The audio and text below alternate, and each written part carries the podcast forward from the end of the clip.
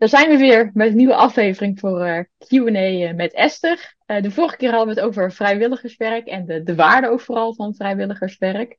En jij vertelde al over jouw ervaring als vrijwilliger bij Euro 2000, Esther. En dat was voor jou ook wel een beetje het, het, het opstapje richting de voetbalwereld. Hè? Hoe ben jij vanuit dat vrijwilligerswerk die, die voetbalwereld ingerold? Ja, nou ja, ik, ik zeg niet voor niks altijd. Als mensen uh, dit willen, werk willen gaan doen, een van de vragen die ze me altijd stellen: van ja, hoe kom je hier? Ik zeg ja, start bijvoorbeeld als vrijwilliger. Dat heb ik natuurlijk zelf ook gedaan. Uh, ik vertelde in de vorige video, als je daarover wat meer wil weten, moet je maar even terugkijken. Maar dan vertelde ik hoe ik dus uh, bij Euro 2000 aan de slag ben gegaan. En hoe ik ontdekte dat ik ook die droom had om, uh, om die voetbalwereld in te gaan.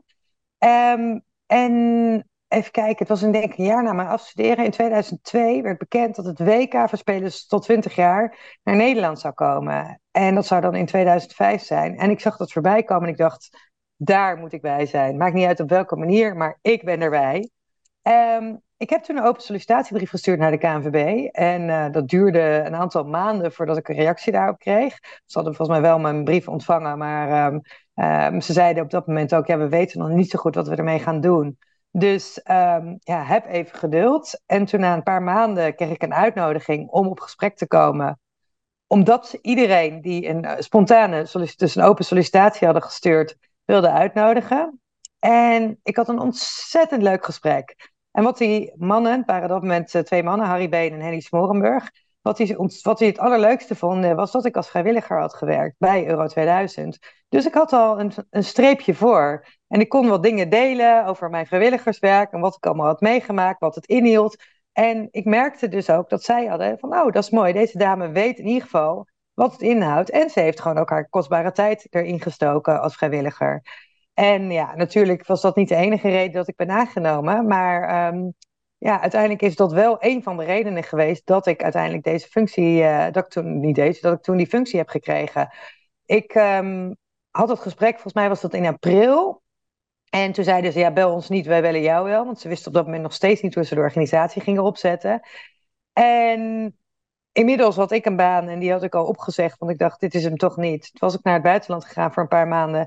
Toen heb ik op een gegeven moment weer een uh, sollicitatiebrief gestuurd naar, uh, naar uh, deze twee mannen. Van meer van, nou ja, heb ik nog een kans? Ze, ze, ze maakten er later wat grapjes over van, ja, we bleven Esther maar wegsturen, maar, maar ze bleef terugkomen. en dat hebben uiteindelijk haar de baan maar gegeven.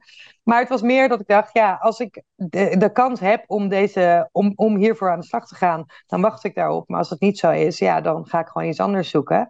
En um, nou ja, toen kreeg ik eigenlijk meteen een, een, tweede uitnodiging. En diezelfde dag dat ik daar was, dat was uiteindelijk in oktober. Toen ben ik, uh, toen ben ik aangenomen. Dus uh, ja, geweldig. Dus ja, een van mijn droombanen. Ik ben begonnen als office manager bij het WK voor Spelers onder 20 jaar. Dus ik moest, uh, nou ja, ik was verantwoordelijk voor de back-office, maar ik ondersteunde hen ook. En eigenlijk was ik misschien wat overgekwalificeerd voor de functie met mijn universitaire studie. Maar ik had toch zoiets ja, al moet ik de vuilniszakken buiten zetten. Dat heb ik ze toen niet verteld, want uh, anders hadden ze dat misschien laten doen. Maar ik had zoiets, weet je, je moet uiteindelijk ook je voet tussen de deur krijgen. Want dat was wel, zeiden ook, ja, het nadeel is wel dat je geen ervaring hebt in de voetbalwereld. Toen zei ik ook, ja, ik moet ergens beginnen die ervaring op te doen. Nou ja, dus, dat was dus inderdaad het begin. Het balletje is daarna letterlijk en figuurlijk door blijven rollen. Ja, en de aanhouder wint blijkbaar weer ook wel. Dat jij zoiets hebt van ja, hey, uh, ik, uh, ik blijf gewoon toch het, het, proberen bij jullie in contact met jullie zoeken.